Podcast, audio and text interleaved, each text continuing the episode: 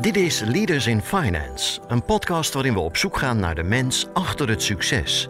We praten met leiders van nu en later over hun drijfveren, carrière en privéleven. Waarom? Omdat er meer gesproken moet worden in de financiële sector. We willen de partners van deze podcast hartelijk bedanken voor hun steun. Dat zijn Interim Valley, FG Lawyers, Odgers Berndson Executive Search en Roland Berger. Onze gast in deze aflevering is partner en lid van de Raad van Bestuur van PwC Nederland. Ze weet alles van familiebedrijven.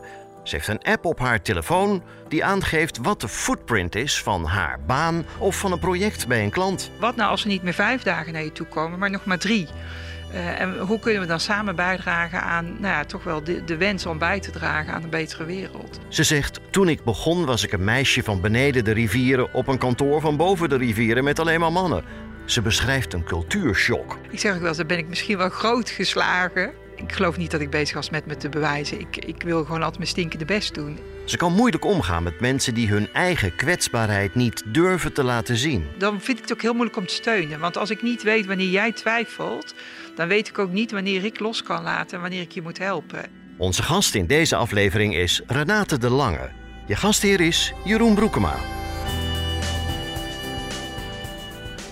Welkom bij een nieuwe aflevering van Leaders in Finance. Deze week met Renate de Lange van PwC. Welkom Renate. Dankjewel. Leuk dat je de tijd neemt om met uh, Leaders in Finance in gesprek te gaan. Ik moet eigenlijk zeggen, ik ben welkom uh, te gast bij uh, PwC hier in Amsterdam. Ik zal jou kort introduceren. traditiegetrouw doe ik het altijd door het spellen van de naam van de gast. Dat is Renate, R-E-N-A-T-E. -E, en dan de, en dan lange, L-A-N-G-E. Renate is partner en lid van de Raad van Bestuur van PwC Nederland, waar zij verantwoordelijk is voor wat wordt genoemd Markets and Corporate Sustainability. Daarnaast is zij lid van de Nederlandse Orde van Belastingadviseurs. Ze is gespecialiseerd in taxvraagstukken, waar ze speciale aandacht en interesse in familiebedrijven heeft. Ik vond het zelf erg leuk om te horen dat jij in het voorgesprek vertelde dat je zelf ook nog heel actief bent als adviseur bij familiebedrijven. Daar wil ik zeker ook naar vragen straks, want dat vind ik wel, wel mooi om te, om te zien. Renate is sinds 2008 partner bij PwC, studeerde fiscale economie aan de Tilburg University. Ze is 48 jaar oud, of jong, getrouwd en woont met haar twee zoons in Breda. Nou, heel vast een beetje een beeld. En wat ik leuk zou vinden om mee te starten is om PwC Nederland neer te zetten. En ik doe dat graag aan de hand van de stakeholders, van de verschillende stakeholders van, van PwC. Dat is een mooie, denk ik, een leuke manier om te structureren. Misschien te beginnen bij de medewerker. Ja, heel mooi. Misschien wel een van onze belangrijkste stakeholders. Want uh, onze mensen zijn het meest belangrijk. Bijna 6000 in Nederland, heel veel. Uh, en 86 nationaliteiten. Uh, vast in dienst, maar ook heel veel op uitzending vanuit andere landen. En ook een deel van onze mensen zit in het buitenland. Dus ik denk heel mooi. Absoluut. En nou ja, andere belangrijke stakeholder natuurlijk de klanten. Ook heel belangrijk, want daar doen we het uiteindelijk natuurlijk ook allemaal voor. En overigens de stakeholders van onze klanten niet, niet te onderschatten. Uh, heel breed. Uh, publiek, privaat, uh, beursgenoteerd, uh, internationaal, familiebedrijf. Ja, raakte dat ook al een beetje. dus eigenlijk heel breed. Ja. Ja, en is het nou zo dat um, jullie staan natuurlijk bekend als accountantskantoor? Is dat nou het belangrijkste onderdeel nog altijd of is het veel breder? Nee, het is veel breder ondertussen. En overigens, uh, onze accountantsgroep uh, is heel groot en heel belangrijk. Daarnaast hebben we belastingadviseurs. Nou, daar ben ik er zelf een van. en een hele grote deals- en overnamepraktijk. en heel veel consultants. En, ik, en heel veel specialiteiten die, nou, die je niet zo in een, in, hoe zeg je dat, in een groep kunt vangen.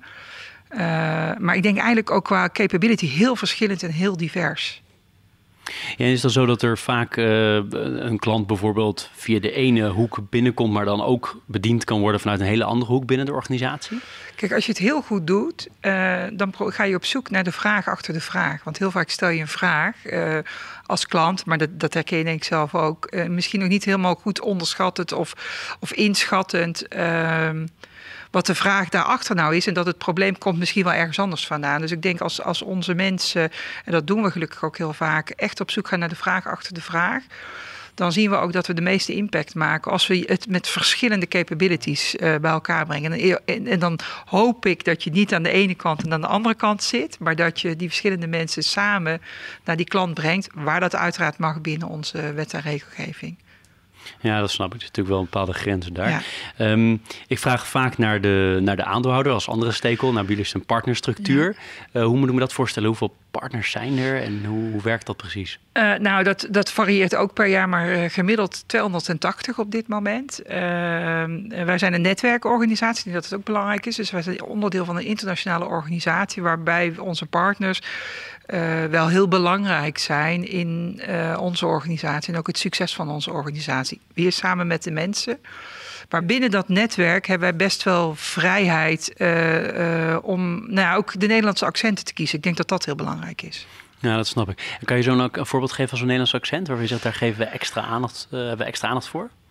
Nou, eh, een heel mooi onderwerp is denk ik ESG. Dat is denk ik nu internationaal. Verdient dat, uh, krijgt dat heel veel aandacht. Uh, en ik denk dat we in Nederland al eerder gezegd hebben... daar moeten we tijd, energie en aandacht voor uh, vrijmaken.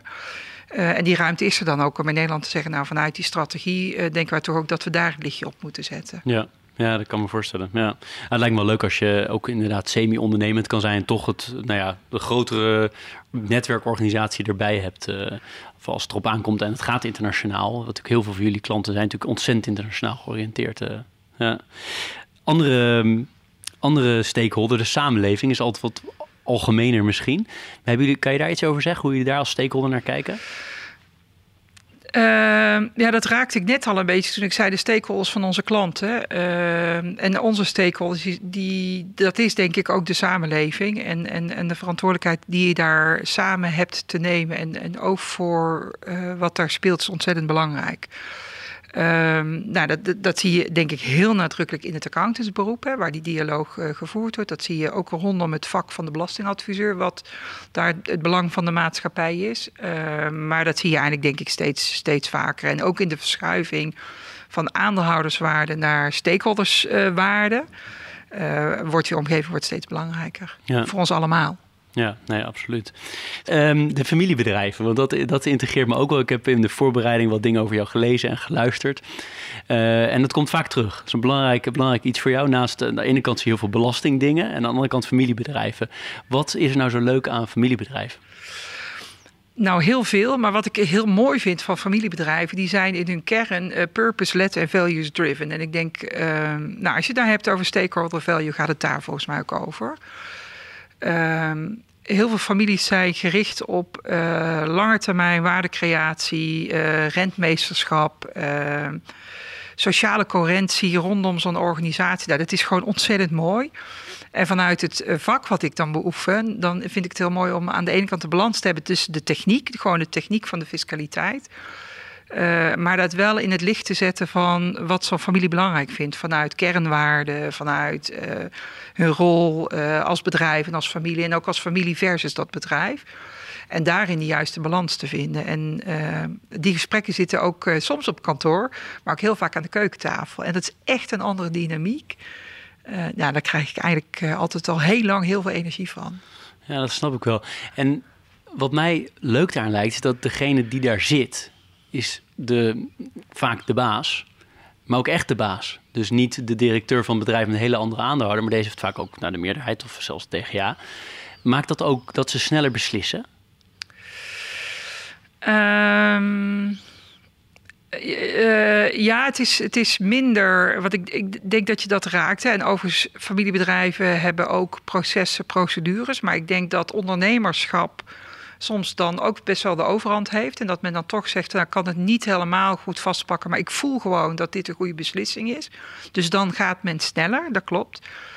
Uh, aan de andere kant is die emotie ook heel belangrijk. Dus soms kan iets er heel goed uitzien, maar als het niet goed voelt, dan duurt het ook gewoon langer uh, voordat die beslissing wordt genomen. En, en die balans uh, is denk ik heel kenmerkend voor dat familiebedrijf. Dus soms heel snel en soms langzamer. Is de klik uh, ook belangrijker? Dat, dat jij echt die mensen ook, uh, deze ondernemers ook echt persoonlijk, zeg maar, of semi-persoonlijk kent, dan bij meer, nou ja, zakelijk is misschien het verkeerde woord, maar niet familiebedrijven? Uh, nou, ik wil niet zeggen belangrijker, want ik denk dat klik en, en echt oprecht interesse in wat in je, je klant en de andere kant zeg maar, van de tafel is altijd heel relevant. Maar je raakt hier wel heel dicht uh, hun emotionele omgeving ook. Want dit gaat over dat bedrijf waar ze uh, nou, soms al jaren, meerdere generaties, uh, heel veel hart en ziel en energie in geïnvesteerd hebben.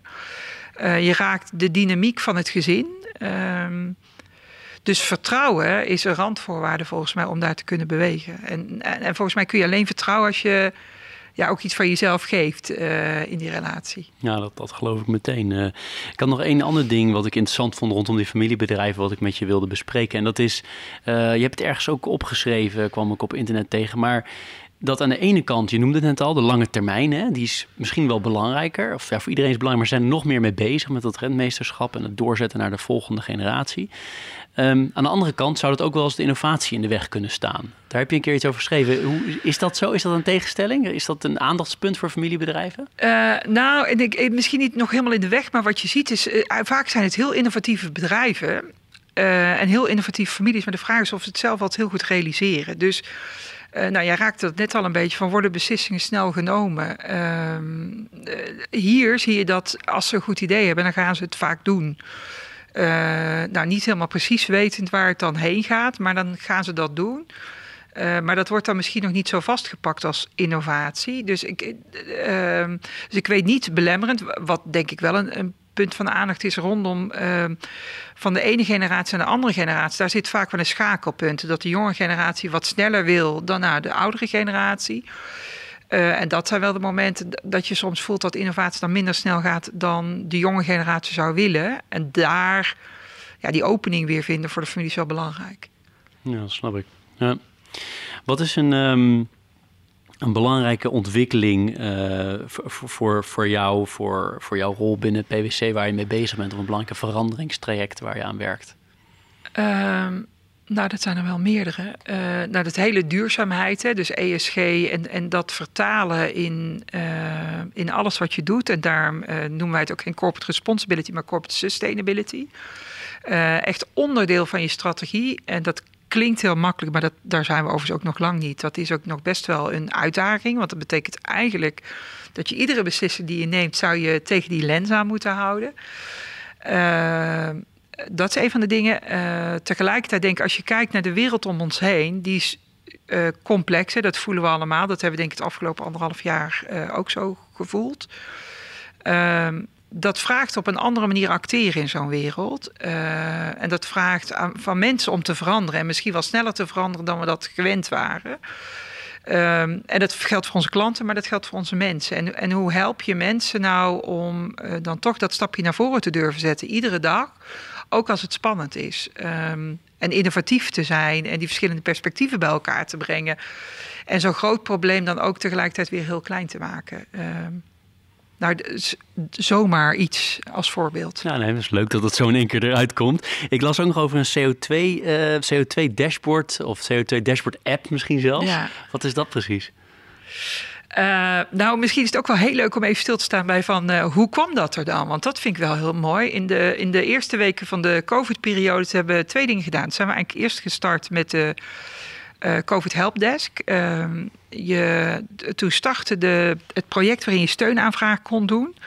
En toen dacht ik van nou, stel nou dat je nou ondernemer bent ehm, en je moet door dat ehm, web van regelgeving, wat best wel complex is Terwijl het voor onze mensen, die doen het nou, misschien wel tien keer per dag, die kunnen daar, daar echt heel goed helpen. En toen heb ik gezegd, van moeten we nou niet onze mensen beschikbaar stellen om nou, die ondernemer te helpen om even door die website heen te lopen waar die steunaanvraag kunnen doen. Dus toen hebben we eigenlijk in een week een COVID helpdesk opgezet. Dat klinkt heel makkelijk. Uh, en het bleek het achteraf ook zo te zijn. Uh, maar toen zijn we gestart op een, uh, nou volgens mij was het een donderdagochtend om acht uur, allemaal in zo'n scherm. Dit gaan we doen. Wat kun je bijdragen vanuit jouw kennis en expertise? En toen was het er na een week. En dat triggerde me wel. En toen dacht ik, wacht even, als je ziet wat je kunt bereiken in een week, waarin je eigenlijk vraagt van mensen van, wat kun je bijdragen voor iets waar passie voor is? En dat was op dat moment echt dat mensen wilden helpen vanuit de kennis en expertise dan voel je ook nu we niet reizen, en zeker nu nog niet, maar toen helemaal niet. Um, hoe, hoe zorg je dan dat je, als we straks weer mogen reizen, niet teruggaat naar een periode waarin we heel veel reizen. Want mobiliteit en footprint is voor ons echt een issue. We hadden dat idee van de dashboard, waarin je mensen zelf inzicht geeft in hun footprint, hadden we al. Maar hoe maak je dat dan? Dus nou, twee weken later zijn we weer gaan zitten op een donderdagochtend met tien mensen hoe kun je helpen en wat kun je bijdragen? En uh, nu, nou ja, bijna een jaar later is er een, uh, een app ontwikkeld. Die heb ik op mijn telefoon. Dus ik kan uh, iedere dag precies zien wat mijn footprint is van uh, deze maand. Ehm, dat kan ik zien van PwC Nederland. Maar wat nog veel interessanter is, ik kan het ook zien op projectniveau. Dus als mijn klant zegt, nou, ik vind het gewoon belangrijk om te begrijpen wat de footprint is uh, als gevolg van de mobiliteit. Uh, dan kun je namelijk samen ook een gesprek voeren met de klant. Van nou, wat nou als we niet meer vijf dagen naar je toe komen, maar nog maar drie? Uh, en hoe kunnen we dan samen bijdragen aan nou ja, toch wel de wens om bij te dragen aan een betere wereld? Um, dus het wat is heel interessant, maar hoe we dat met z'n allen gedaan hebben, daar, daar ben ik dan echt wel heel trots op. Ja, dat snap ik wel. Als de volgende keer die groep mensen horen van op donderdagochtend call met Renate en we gaan uh, iets doen en uh, kijken wat je kan bijdragen, dan uh, tegelijkertijd is het eigenlijk een soort stappenteller, maar dan op ja, ja, op je footprint. Uh, dat is wel leuk. Ja. ja, waarbij we ook, want wat is dan footprint? Nou, vertel jij het maar. Ik vind het best wel. Wat is het dan? Dus we proberen dat ook te kwantificeren door enerzijds uh, te vertalen naar euro's. We hebben zelf hier sinds uh, 2017 een interne CO2-prijs. Dus iedere ton beprijzen wij met 100 euro. Dus we laten zien, nou ja, hoeveel euro draag jij nu bij aan het circulair budget. Maar ook hoeveel tijd reis je. Nou, daar schrik je ook van als je dat ziet dan uh, over een maand uh, tijd. En uh, nou, hoeveel bomen zijn dat dan? Of hoeveel vliegtickets? En dan wordt het in één keer vast te pakken. Um, en dan vervolgens bieden we ook alternatieven aan. Wat nou als je nou met de fiets zou gaan of met de trein zou gaan? Wat betekent dat dan? Ja. Leuk, leuk. Nou, interessant. Ik ben benieuwd wanneer die ook uh, beschikbaar komt voor... Of die ooit beschikbaar komt voor particulieren bijvoorbeeld. Misschien kunnen die het ook gaan gebruiken. Of is het vooral voor bedrijven waarschijnlijk? Nou, dat zou een hele mooie droom zijn. Maar om dat uh, technisch, logistiek te realiseren, dat is nog wel een, uh, wel een stap. Maar we zijn bijvoorbeeld wel, en daar ben ik dan ook best wel trots op. Het is, uh, we zijn op dit moment bezig om bijvoorbeeld in Frankrijk ook bij PwC te implementeren. Uh, nou, dan langzaam maar zeker iedere dag dat leer je dan weer. leuk leuk als het helemaal internationaal gaat. Ja. Ja. Nou, als uh, Leaders in Finance ooit die app kan krijgen... om te kijken wat Leaders in Finance allemaal, uh, allemaal een uitstoot creëert. Um, ik wilde eigenlijk een beetje draaien naar jou. En ehm, je bent al heel lang bij PwC betrokken. hoe ben je er terecht gekomen? Ehm, ik studeerde in Tilburg fiscale economie. En toen zei iemand tegen mij heb jij zin om uh, drie, vier dagen weg te gaan? Want in die tijd deden we nog heel veel van die business courses. Uh, nou, heel tof. Ik zei, nou ja, weet je, prima. In studententijd is dat best attractief. Uh, dus dat heb ik gedaan. Ehm, en nou ja, drie weken later had ik een baan. Werd, toen dacht ik, nou ja, klinkt eigenlijk best wel goed. Maar de klik was er ook wel. Weet je, dat was voor mij heel belangrijk. In die tijd waren er een aantal grote kantoren. En ik wilde wel graag naar een groot kantoor in die tijd. En er waren er een aantal. En ehm, de cultuur van de mensen is heel relevant, uh, in ieder geval voor mij. En ik, ik, nou ja, je, je brengt daar tijd door met mensen. En toen dacht ik, nou, weet je, volgens mij pas ik daar wel. En, uh, en toen dacht ik, nou, dan ga ik het gewoon doen. En dan zie ik het wel. Nou, dat ging wel, uh, ging wel goed en je bent er ook nog steeds. Dus uh, ja, ja. het is wel grappig om te zien. Hè? Want ik, ik heb dus het voorrecht om zoveel hele boeiende mensen te spreken. En 99% van de mensen is totaal random terechtgekomen waar ze terecht zijn gekomen. Uh, heb jij dat op een bepaald moment in je carrière wel meer bedacht van ik ga hier nu echt verder, ik ga nu proberen partner te worden? Heb je daar wel bepaalde echt keuzes zeg maar? Of is het altijd zo'n beetje, nou de ene kwam, het volgende kwam en zo langzamerhand en, op, en, en na zoveel jaar was je partner en zoveel jaar zat je in de raad van bestuur? Uh, nou, uh, een beetje in de middel misschien wel. Natuurlijk zijn er echt wel momenten waarin je denkt... oh, is, is dit wat ik dan ook langer termijn wil en past deze organisatie dan? En uh, daar was eigenlijk iedere keer het antwoord best wel volmondig ja op. Omdat vanwege de breedheid van de organisatie heb ik ook altijd gezegd van joh, maar als ik wat ik vandaag doe niet leuk vind, meer vind, dan is er zoveel anders wat ik daar ook kan doen. En dat is echt wel heel mooi. Um, maar ik ben niet bezig geweest van en dan word ik dit en dan ga ik dat. Heel veel is er dan ook wel gewoon toch op mijn pad gekomen. Uh, en heb je, hoe heb je die eerste jaren, hoe, hoe ging dat? Was jij iemand die zich heel erg wilde bewijzen? Maakte heel veel uren? Of hoe, hoe pakte jij je werk aan? Hoe beleefde jij je werk? Toen ik startte? Ja. Uh, nou, ik was, dat is ook, ik was een meisje van beneden de rivieren. Op een uh, kantoor boven de rivieren, waar uh, in die tijd uh, er nog best wel heel veel, of misschien wel met name mannen werkten. Dus dat was voor mij best wel een cultuurshock in het begin. Ik zeg ook wel, daar ben ik misschien wel ook, nou zoals je dat ook zegt, vaak tegen de jongsten, misschien wel groot geslagen. Ehm, nou, ik weet niet of ik. Ik geloof niet dat ik bezig was met me te bewijzen. Ik, ik wil gewoon altijd mijn stinkende best doen. En, uh, en ik geloof dan ook dat als ik dat doe, dan, dan brengt het me wel waar ik moet zijn.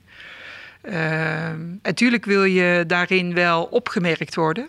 Uh, en uh, ja, maakte ik ook lange dagen. Maar met name wel omdat ik het heel leuk vond. Ik, ik vond het zo leuk om. Want ik heb eigenlijk van begin af aan best wel heel veel familiebedrijven gedaan. En ehm, je bent dan zo bezig met wat voor hen belangrijk is. In combinatie nogmaals met die techniek, dat ik het ook gewoon heel leuk vond. Uh, nou, dan werk je echt af en toe ook wel te hard, dat klopt. En waar komt die passie en interesse voor belasting vandaan, voor, fiscale vraagstukken? Je had het ook al tijdens je studie, heb je natuurlijk al fiscale economie gestudeerd, dus daar zat het blijkbaar al. Maar waar komt, hoe verklaren we dat? Uh, ja, maar dan suggereer jij dat dat een heel bewuste keuze was. Uh, nou, dat was het ook niet helemaal, want ik ben gestart uh, met bedrijfskunde. dat heb ik twee jaar gedaan. En toen heb ik op een gegeven moment wel besloten dat ik iets anders wilde gaan doen. En toen ben ik economie gaan studeren. En daarbinnen heb ik gekozen voor fiscale economie. Ehm, en als ik dan terug probeer te analyseren van waarom was dat dan? Omdat ik ook denk van nou, dat is ook wel iets wat vast te pakken is. Ehm en daarom vind ik familiebedrijven ook zo leuk. Want wat daar speelt is ook wel iedere keer iets wat vast te pakken is. In hele grote internationale organisaties met veel uh, financiële stromen. Dat is best wel, hoe zeg je dat, lastiger te visualiseren. Van nou, wat gebeurt hier dan eigenlijk? En heel veel van de problematiek bij familiebedrijven is gewoon vast te pakken. Daar wordt, nou, een bedrijf moet van, van, het, van vader naar kind. Daar kun je heel veel bij voorstellen wat dat dan betekent ook voor iemand. Uh, daar is vandaan gekomen. En wat ik ook heel leuk vond, uh, toch wel om de techniek toe te passen op uh, uh, vraagstukken die eigenlijk helemaal niets met fiscaliteit te maken hebben. Maar fiscaliteit is toevallig een onderwerp wat dan relevant is en wat niet belemmerend moet werken. En, en, dat vind ik wel interessant. Van wat gebeurt er dan en hoe kan je dan in ieder geval zorgen dat je het goed doet, waardoor dat nou, 9 van de 10 keer toch dat bedrijf van generatie naar generatie kan. Ja, en als we dan nog veel verder teruggaan, uh, zou je iets willen delen over hoe je bent opgegroeid? Daar ben ik altijd wel nieuwsgierig naar. Uh, nou, in een uh, dorp in, het, in het zuiden van het land, maar dat hoor je volgens mij ook nog wel. Hè? Ik ben mijn accent niet verloren. in een gezin met twee kinderen. Ik heb een oudere zus. Vader en moeder, ook nog steeds samen. Ehm, en dat waarbij mijn vader ehm, dat zei ik vroeger wel eens voor de grap op zondag het vlees kwam zijn. Dat is niet waar hoor. Maar nou, altijd wel ze stinken de best deed om het goed te doen. En dat vormt je wel, denk ik, achteraf. En mijn moeder was thuis. Mijn moeder was, zorgde voor ons. En was er altijd als ik uit school kwam met een kopje thee. En om dan mensen te ontvangen thuis, vrienden de, die naar binnen en naar buiten liepen. En dat was oké. Okay. Hoe heb je, hoe heb je je studententijd ervaren? Hoe heb je dat beleefd? Uh, nou, eerst heb ik uh, bedrijfskunde gestudeerd in Rotterdam, twee jaar. En daarna ben ik naar Tilburg gegaan. Uh, en daar heb ik fiscale economie gestudeerd. Ehm, nou, dat is een periode waarin je gewoon heel veel leert. Ehm, ik, eh, niet alleen technisch, maar met name ook, weet je, uit huis, op jezelf. Nou, soms na drie weken geen geld meer. dan was het op en dan moest ik naar huis omdat ik, om dan toch te eten. Um, een hele mooie periode. En dat, dat zeg ik ook vaak tegen mijn kinderen. Want die mopperen dan wel eens van... Oh, ik moet hard leren op school. Dan denk ik, ja, maar geniet er maar van. Weet je, het is eigenlijk een hele mooie periode. Er zijn er cruciale momenten geweest in die periode van nul tot, uh, nou ja, tot je klaar was met studeren... waar je zegt, dat heeft echt veel impact op mij gehad... van de rest van mijn leven? Um, mijn vader heeft eigenlijk altijd gezegd van joh, je krijgt uh, kansen en die moet je pakken. En, en uh, ik denk dat dat in, in mijn uh, middelbare schooltijd, in mijn studietijd altijd best wel belangrijk is geweest. Dus de combinatie van plezier maken en ook heel veel plezier maken, maar wel realiserend van. maar ik heb hier wel een mogelijkheid gekregen. Nou, dat, nou, dat moet ik ook wel waarmaken op de een of andere manier. Ehm, en dat, dat heeft mij, uh, ja, als ik dan terugdenk, dat, dat heeft altijd wel drijvend gezeten onder wat ik deed. En, um, Maar ik heb ook heel veel plezier gehad. ja, dat is ook heel belangrijk. En wat, wat, wat, wat, triggerde jou? Wat motiveert jou eigenlijk? Wat, wat, zeg maar, wat zijn de dingen waar je echt uh, ja, heel, heel enthousiast wordt en waardoor en, en ook waar komt de drive voor de carrière vandaan? Want die carrière ging toch wel. Ik wijs nu met mijn hand, dat kun je niet zien, maar zo omhoog wijs ik. Uh, ik vind het heel mooi als ik het verschil kan maken. En verschil maken in. Uh, nou ja, bij mijn klanten, doordat ze denken, uh, nou, ik moet nu een beslissing nemen die voor klanten vaak heel ingewikkeld is. En, en dat ze dan vertrouwen dat jij nou, hen in ieder geval helpt bij het maken van die keuze. Want die klant moet het eigenlijk zelf altijd kiezen, maar dat je het vertrouwen biedt om hen inzicht te geven en hen helpt en ook een spiegel voorhoudt als ze iets anders moeten. Van nou, wat je zegt, maar dan toch. Um, plezier. Als ik het niet leuk vind, dan vind ik het ook echt niet leuk. Dus het is uh, plezier. En dat, en dat, dat is niet. Uh, dat zit ook echt in het plezier vanuit werken met andere mensen. Ik denk ook als je aan mensen vraagt. Ehm, en dat wordt nu jammer genoeg steeds wel ook wel iets minder. Maar dat ik ook best wel heel vaak meewerkend voor vrouwen was. Hè? Dat zeg je dan. Ehm, dus ik kan ook echt nog met mijn benen in de klei staan om te helpen. Uh, en daar haal ik ook wel heel veel plezier uh, uit. Maar ik vind het ook heel mooi als ik mensen zie groeien. Dat ik denk, wow, weet je...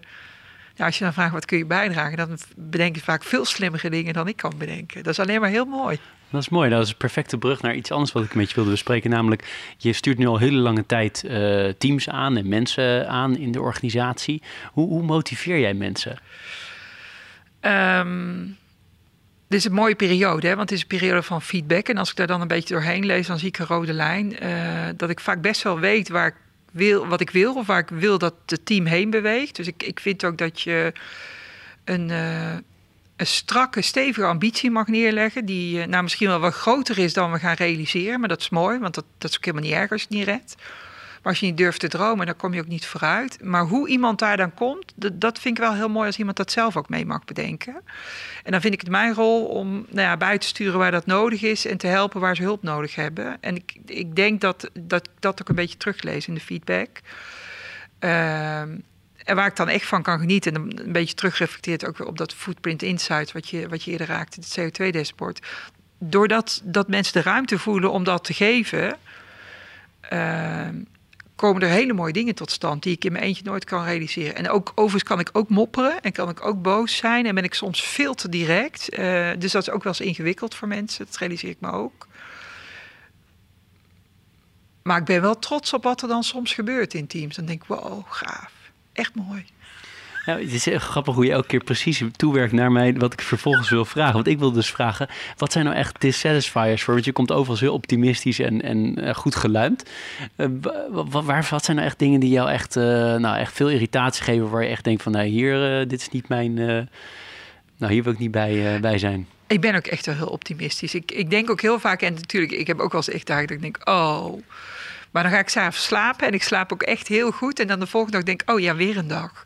En uh, iedere dag nieuwe ronde, nieuwe kansen, zeg ik ook altijd. Um, wat ik het meest ingewikkeld vind, is als mensen uh, niet kwetsbaar zijn en niet uh, durven te leren van wat er dan gebeurt. Weet je, ik, ik denk iedere dag, dit heb ik niet handig gedaan. Of dat had ik anders moeten doen. En daar geef ik ook niet altijd toe. Want weet je, soms is het ook gewoon niet leuk. En moet je dat eerst zelf even een plaatsje geven. Maar als je die kwetsbaarheid niet ziet of niet krijgt, of, dan vind ik het ook heel moeilijk om te steunen. Want als ik niet weet wanneer jij twijfelt, dan weet ik ook niet wanneer ik los kan laten en wanneer ik je moet helpen. En uh, dat vind ik het meest ingewikkeld. En, en op een gegeven moment wordt dat dan een dis, hoe zeg je dat? Uh, echt een energy drain of een ja. dissatisfier. Ja. Maar ik, ik ben niet heel snel. ik denk, nee, omdat ik ook wel geloof dat uiteindelijk iedereen gewoon uh, zijn stinkende best wil doen. Weet je, zo zijn we als mens. En ik probeer ook vaak te bedenken van ja, maar waarom doe jij nou wat je doet? En, en dan heb ik er ook heel vaak heel veel begrip voor. Dat is overigens wel ingewikkeld, want dan laat je ook dingen vaak langer doorgaan dan misschien wel zou moeten. Um, Mijn stereotype beeld bij een, ehm, een, consultant of een accountant of een tax advisor is niet iemand die zich heel kwetsbaar opstelt. Is dat echt een stereotype beeld? Of klopt het wel een beetje? En moet je ook altijd wel je best doen in de organisatie om mensen kwetsbaar zich te laten opstellen? En dan zou ik nog aan toe willen voegen, zeker toen je begon, was nog, toch nog een andere tijd, denk ik. Eh, nog meer mannenwereld, zoals je zelf al zei. Heb je er vaak veel moeite voor moeten doen om mensen zich kwetsbaar te laten opstellen? Uh, jawel, jawel, want ik denk dat je dat terecht zegt. Ik denk dat mensen vaak voelen of denken dat ze heel, heel uh, sterk moeten zijn en dat kwetsbaarheid dan niet. Uh, niet goed is of zo, of niet goed genoeg is. Terwijl ik denk juist hoe mooi is dat je kunt laten zien waar je, waar je eigen grens zit of waar je onzekerheid zit. Want dan kan iemand je ook helpen. En ik denk wel dat we uh, langzaam maar zeker steeds meer in de cultuur komen waar dat oké is dat je dat doet. Sterker nog, waar mensen steeds meer de toegevoegde waarde zien van die kwetsbaarheid. Ja, want hoe doe je dat als, als je het gevoel hebt dat iemand zich helemaal niet kwetsbaar opstelt? Hoe, hoe probeer je iemand toch kwetsbaarder zich te laten opstellen? Ik vind het wel een interessant onderwerp, want dit komt ook in elke organisatie speelt dit. Uh, ook je eigen kwetsbaarheid te laten zien. Dat is volgens mij het enige dat antwoord. Dat is gewoon het goede voorbeeld geven. Practice what you Ja, preach. ik denk dat dat het enige antwoord is. Kijk, als ik mijn kwetsbaarheid niet laat zien... en die heb ik ook, hè, I, na iedere dag denk ik wel. Ik zeg ook vaak, ik heb ook geen idee. Ik weet het niet. Maar volgens mij start dat, en dat start ook met wat ik eerder ook zei... als je het hebt over vertrouwen met familiebedrijven... je moet iets van jezelf geven, wil je je verbinden. En als je verbindt, dan is er ruimte voor kwetsbaarheid. Mooi. Bij Leaders in Finance hebben we ook altijd een teaser en een pleaser, zoals je weet. Aan de teasende kant had ik opgeschreven de partnerstructuur, zoals jullie die hebben. En, en veel advocatenkantoren en andere uh, consultants dat, uh, dat organiseren. Dat past niet meer bij deze tijd. Wat vind je daarvan? Nou, dat is een uh, mooie teaser. ik snap ook wel dat je dat zegt. maar um, kijk, aan de ene kant wat, wat ik merk, die partners zijn wel heel erg betrokken bij, bij uh, deze organisatie. Uh, en hoe zij dagelijks daarmee bezig zijn, dat bepaalt voor een heel groot deel ons succes samen met onze mensen. Want uh, nogmaals, ik kan het niet vaak genoeg zeggen, we doen het met 6000 mensen. En je ziet ook als partners afscheid nemen omdat ze uh, met pensioen gaan, dan, dan laat ze ook een bedrijf achter. Zo voelt dat ook vaak. En ja, die betrokkenheid die maakt dat er dingen gebeuren waarvan ik me afvraag of dat in een andere setting ook zou gebeuren. Uh, tegelijkertijd zie ik ook, en dat zie ik ook bij mijn eigen kinderen. Ja, hoe kijken zij daar uh, op langere termijn naar? En, en past zo lang verband überhaupt nog wel in, in deze tijd? Dan lang dienstverband? Uh, maar dat model zal zich evolueren door de tijd heen, denk ik. En ik denk als je kijkt naar het partnermodel 20 jaar geleden, dat is niet meer het model van vandaag. En, uh, en zo zal het er ook niet over 10 jaar uitzien of over 20 jaar. En hoe dan wel, dat weet ik niet, maar dat vind ik ook wel mooi dat je dat niet weet. Wat wel belangrijk is, denk ik, dat je daarover in gesprek bent met elkaar. Van nou, wat, wat, wat heb je nou nodig als partner? om succesvol te zijn in deze tijd, gegeven wat er om ons heen gebeurt. En dan gaat het ook over uh, midden in die maatschappij staan, niet uh, alleen maar alle energie aan PwC geven, maar juist uh, dat ook verbinden met al die andere dingen die ook heel relevant zijn. En, en je kennis en expertise en je netwerk ook inzetten voor uh, dingen buiten PwC, terwijl je verbonden bent aan PwC als partner. Nou, en hoe snel dat gaat en waar het heen gaat, uh, dat gaan we zien. Uh, maar dat het anders wordt, daar ben ik van overtuigd. Ehm, maar dat is ook mooi, denk ik. Dat is een mooi antwoord, want dat ik me kan voorstellen, of tenminste mijn, hoe ik daarnaar kijk als buitenstaander, is aan de ene kant ondernemerschap. Ik kan me helemaal voorstellen dat dat hartstikke goed is. Aan de andere kant dicht bij die klant staan, daar ben je zelf een voorbeeld van. Je komt bij die klanten. Maar waar ik inderdaad vooral op doe, is dat punt van wat jij zegt, ik bespreek met mijn eigen kinderen, is dat ik zie heel veel nou, to-be-partners de komende vijf jaar. Dan moet weer een nieuwe lichting, of tien jaar of whatever, moet een nieuwe lichting partners in. Ja, je inkoop en zo lang je eigenlijk committeren toch wel dat dat lastig wordt. Maar als ik jou behoor, kan dat partnermodel daar wel in veranderen dus? Dat zal wel moeten, denk ik. Maar dat geldt denk ik veel breder. In in, uh, dat geldt ook voor jongere mensen. Je ziet dat mensen andere keuzes maken dan 10, 20 jaar geleden. Dus dat vraagt ook iets van ons als uh, organisatie om daarin... Uh, nou ja, misschien wel veel flexibeler uh, naar de toekomst te kijken. En, maar dat zie je ook vandaag al. Hè. Ik denk, toen ik begon was het ook echt anders dan nu. Uh, nou, we zien het waar het ons brengt. Aan de pleasende kant uh, vragen we altijd naar, ja, lees je graag? En zo ja, zijn er bepaalde boeken die jou uh, hebben geïnspireerd? Of films? Of zijn er andere dingen op dat gebied die leuk zijn om te delen? Nou, ik lees heel veel. En één boek wat ehm, nou wel impact heeft gemaakt... en ik denk overigens niet alleen bij mij... is Alle Mensen Deugen van Rutger Brechtman. En als je dan teruggaat naar wat ik net zei, dat je als je een ambitie of een droom neer durft te leggen of een Noordstar voor een team, maar ervan uitgaat dat iedereen uh, uh, zijn best doet om bij te dragen, dan kun je ook vertrouwen om los te laten. En dan ontstaan er hele mooie dingen. En dat stond daar wel heel mooi opgeschreven. En, en uh, nou, dat vond ik wel heel mooi. Maar volgens mij ben ik niet de enige die uh, zo naar dat Hij is heel populair in de, in, de, in de boardroom, om maar zo te zeggen. en één iemand die echt heel, uh, het ook heel enthousiast vertelde, net als jij, zeg maar, was Jos Baten, de CEO van ASR. Die zei uh, zelfs, don't quote me op de exacte quote, maar in de podcast iets in de, in de trant van... dit is verplicht voer voor commissarissen, geloof ik dat hij zei. Of voor RVB-leden, een van de twee of allebei. Nou, dat snap ik wel. Kijk, er is denk ik een natuurlijke neiging dat als er iets niet goed gaat, om te regelen. En nog meer regels en nog meer regels. En, en de vraag is of het dan oplost, want dan ga je gedrag proberen te reguleren. Terwijl als je uitgaat vanuit vertrouwen, en, en uh, dan kun je veel meer vrijlaten. Dan kunnen mensen ook kiezen. En, en nou ja, kijk voor jezelf wat keuzevrijheid doet. Uh, dat geeft gewoon ook heel veel vrijheid in je, in je, in je mindset. En ik denk, dan kies er dan voor om de dialoog aan te gaan met mensen. Uh, nou, die dan die vrijheid misschien niet op de manier aanwenden zoals je dat wil. En ik, ik denk, maar dat is mijn, mijn persoonlijke geloof, dat dan het aantal mensen waarmee je die dialoog aan moet gaan, dat valt best wel heel erg mee. Dat is misschien wel heel weinig. Interessant. Als je nou zo naar je, naar je loopbaan kijkt, waar ben je nou het meest trots op? Nou, uh, wat ik, dan, dat zit hem niet in, de, niet in hele grote dingen of dat ik zeg dit of dat. Ik, misschien ben ik wel heel vaak trots op hele kleine dingetjes. En dat zijn uh, soms dat ik dan trots ben op uh, dat ik iets, hoe zeg je dat, een platform heb kunnen bieden aan mensen om daarop te stappen. Soms uh, ben ik trots op uh, mijn klant die dan toch een stoere beslissing durft te nemen, die daarvoor heel spannend was.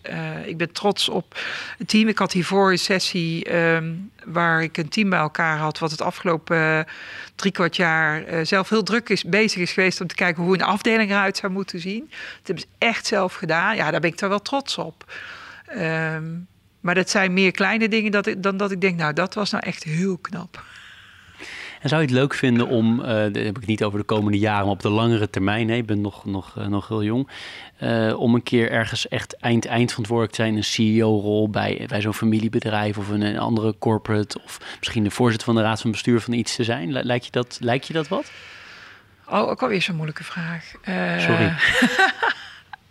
um, Nou, uh, laat ik zeggen wat ik heel mooi vind, in, en dat vind ik ook echt een, um, het voorrecht van op de positie te zitten waar ik nu zit, uh, is dat je uh, de kans hebt om heel veel bij te dragen. Ehm, en de vorm waarin dat is, dat is voor mij nog iets minder relevant. En of dat dan, in welke rol dat is, dat is ook niet zo relevant. Maar daar waar je in je kracht zit. Uh, en dat is ook contextafhankelijk, denk ik. Dus uh, nou, ik sta altijd voor heel veel open, want ik denk ook heel vaak, nou, ik heb het nog nooit gedaan, maar ik denk dat ik het wel kan. Uh, maar ik moet wel bij kunnen dragen vanuit mijn kracht. Leuk. Whatever it is dan. Ik ben benieuwd. Ik ben benieuwd. Ik, mijn, mijn gevoel zegt, en daar hoef je niet op in te gaan, dat je ooit nog wel eens ergens bij zo'n groot familiebedrijf de, daarin gaat, in gaat stappen. Ik weet het niet. We zullen het zien. Um, de vraag die ik aan nu aan, ik geloof 65 of 66 gasten heb gevraagd, is: heb je tips voor mensen die starten en dan met name starten op de arbeidsmarkt ja, in de financiële of semi-financiële sector? Want dat is toch Leaders in Finance, deze podcast. Heb je daar tips voor? Um, ja, ik, dat heb ik ook al een aantal keer geraakt. Ik denk dat het ontzettend belangrijk is om iets te doen wat je leuk vindt. En dat zeg ik ook tegen mijn kinderen. Uh, nou, eentje op de lagere school en eentje in de tweede klas van de middelbare school. Dan vraag ik wel eens, wat wil je laten worden? Nou, dat weten ze dan ook nog niet zo heel goed. En dan zeg ik ook vaak, het is belangrijk dat je iets doet wat je leuk vindt. Want als je iets doet wat je leuk vindt, dan word je daar veel makkelijker ook heel goed in. En als je, nou goed, en dat maakt weer dat je het heel leuk vindt. Dus dat is volgens mij het allerbelangrijkste. Dus kies iets waar je in je kracht zit. Uh, en durf ook te zeggen: dit is het niet als je ergens zit waar het niet goed voelt, om wat vrede dan ook. Uh, en blijf vooral ook heel dicht bij jezelf. Ehm, omdat ik denk dat het dan ook veel makkelijker is om, om het beste van jezelf te geven. En heb jij altijd dicht bij jezelf kunnen staan? Of is het makkelijker, uh, makkelijker als je wat verder in je carrière bent? Ehm, nou, uh, het is verleidelijk om te zeggen ja, maar ik denk uiteindelijk, uh, en volgens mij zie je dat ook wel. Bij mij is het ook echt wel wat je ziet, is wat je get. Ik ben hier niet anders dan thuis. Ehm, en ik ben thuis denk ik niet anders dan hier. En dat vind ik ook heel moeilijk. En, en natuurlijk, daar zit echt wel iets van de nuance in. Maar uh, volgens mij is het belangrijk om dicht bij jezelf te zijn. Want dan zit je in je kracht. Mooi, mooi.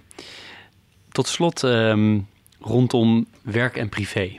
Um, je, er moet natuurlijk heel hard gewerkt worden. Dat, dat kan eigenlijk niet missen in deze functie, maar ook in de functies hiervoor. Je hebt ook een gezin. Hoe manage jij en je partner dat? Uh, en hoe manage jij het in, in relatie tot werk? Uh, dat is een hele goede vraag. Die je overigens. Uh, de, de, de, eerste wat er nu gebeurt is wel interessant. Ik denk, oh, dat is wel interessant. Zou je dat ook gevraagd hebben aan mijn man? Ja, ja ga ik ja, jou ook en al, al, dit is altijd wat mijn, mijn eigen vrouw tegen mij zegt: van je vraagt het toch net zo aan de man als aan de Ik zeg ja, dat doe ik altijd.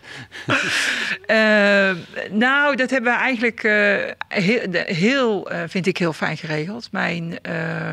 mijn man is nu thuis, die zorgt voor het gezin. Ehm, dus dat is echt heel luxe en ook uh, heel fijn. En daardoor is er ook rust thuis. Ik merk dat de kinderen dat heel prettig vinden. Uh, nou, of dat altijd zo blijft, dat weet ik niet. Uh, maar dat neemt niet weg dat ik ook een verantwoordelijkheid heb als moeder. en, en op de momenten die er te doen, dan ben ik er ook. Dus ik ben gisteren toevallig met mijn auto naar het ziekenhuis geweest, want die moest op controle. Dan ga ik zelf mee en ik vind dat ik daar tijd voor moet maken. Uh, en ik vind overigens ook dat ik daar een voorbeeldrol heb naar de mensen om mij heen. Dus door ook vooral te zeggen dat ik het niet ben, omdat ik iets ga doen met de kinderen. Dus of als ik, vroeger moest ik me ook wel eens melden op school als de kinderen iets gedaan hadden. Dan ga ik zelf. Uh, en die tijd die probeer ik te maken. En dat ook uit te dragen dat dat belangrijk is. En is het, uh, is het uiteindelijk lastig om in deze baan niet te veel uren te gaan werken? Want er is altijd meer werk natuurlijk. Uh, nou, dat is niet zozeer in deze baan, maar dan kom je ook weer terug bij wat ik eerder zei. Als je het heel leuk vindt, is het heel lastig om te zeggen: Nou, dit doe ik dan even niet. Uh, maar daar relativeren kinderen ook. Hè? Mijn kinderen zeggen ook wel eens van ja, maar, ja, maar hoezo dan? Jij zat toch boven achter dat scherm, hè, nu we thuis werken. En dan denk ik, oké, ja, daar heb je een punt. Dus uh, daar zit ook wel een stukje corrigerende werking op. Maar het is, ik, ik weet niet zozeer of het te maken heeft met deze baan. Uh, maar ik denk dat dat voor bijna iedereen geldt die iets doet wat hij ontzettend leuk vindt, dan is het ook heel moeilijk om te zeggen, nou, nu ga ik even iets anders doen. Ja, dat kan me heel, erg, heel goed voorstellen. En wat ik ook altijd iedereen vraag is, hoe blijf je fit, fysiek en mentaal? En wat doe je om scherp te blijven? Um, nou, volgens mij is het allerbelangrijkste om... Uh, uh, hoe zeg je dat? Een soort balans, of uh, wel iets van balans te hebben. Want dat raak je natuurlijk ook als je zegt van hoeveel uur werk je dan.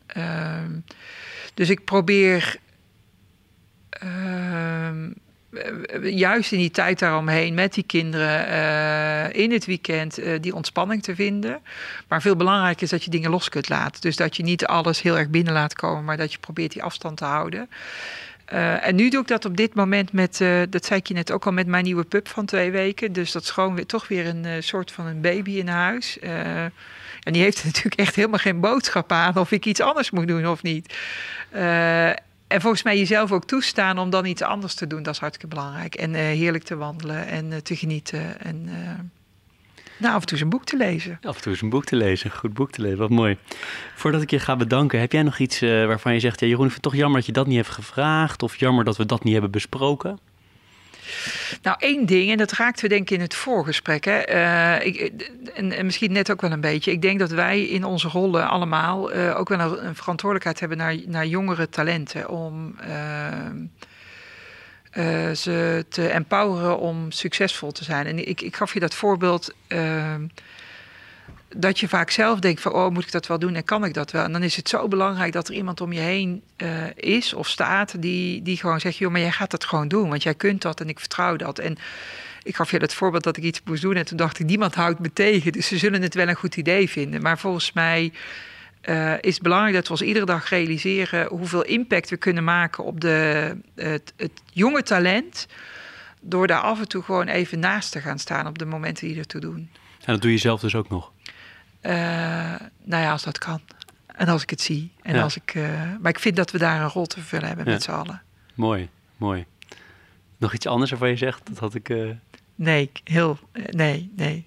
Nou, dan wil ik je heel hartelijk danken voor alle tijd die je hebt genomen voor, voor Leaders in Finance en voor dit gesprek. En ook voor de, de openheid uh, over hoe jij naar al deze dingen kijkt die ik allemaal mocht vragen. Dus uh, dank daarvoor. En je krijgt na afloop ook nog een bedankje voor die tijd die je erin hebt gestoken. Dus heel hartelijk dank. Dankjewel dat ik je gast mocht zijn. Nou, dat uh, bedank ik dan weer voor. Dankjewel. Dit was Leaders in Finance. We hopen dat je deze aflevering met veel plezier hebt beluisterd. We stellen je feedback erg op prijs. Wat houdt je bezig en over wie wil je meer horen? Laat het weten via een Apple of Google review. Dat kan ook via de sociale media kanalen of direct via een e-mail. We kunnen het enorm waarderen als je dat doet. Tot slot danken we onze partners voor hun steun. Dat zijn Interim Valley, FG Lawyers, Odgers Burnson Executive Search en Roland Berger.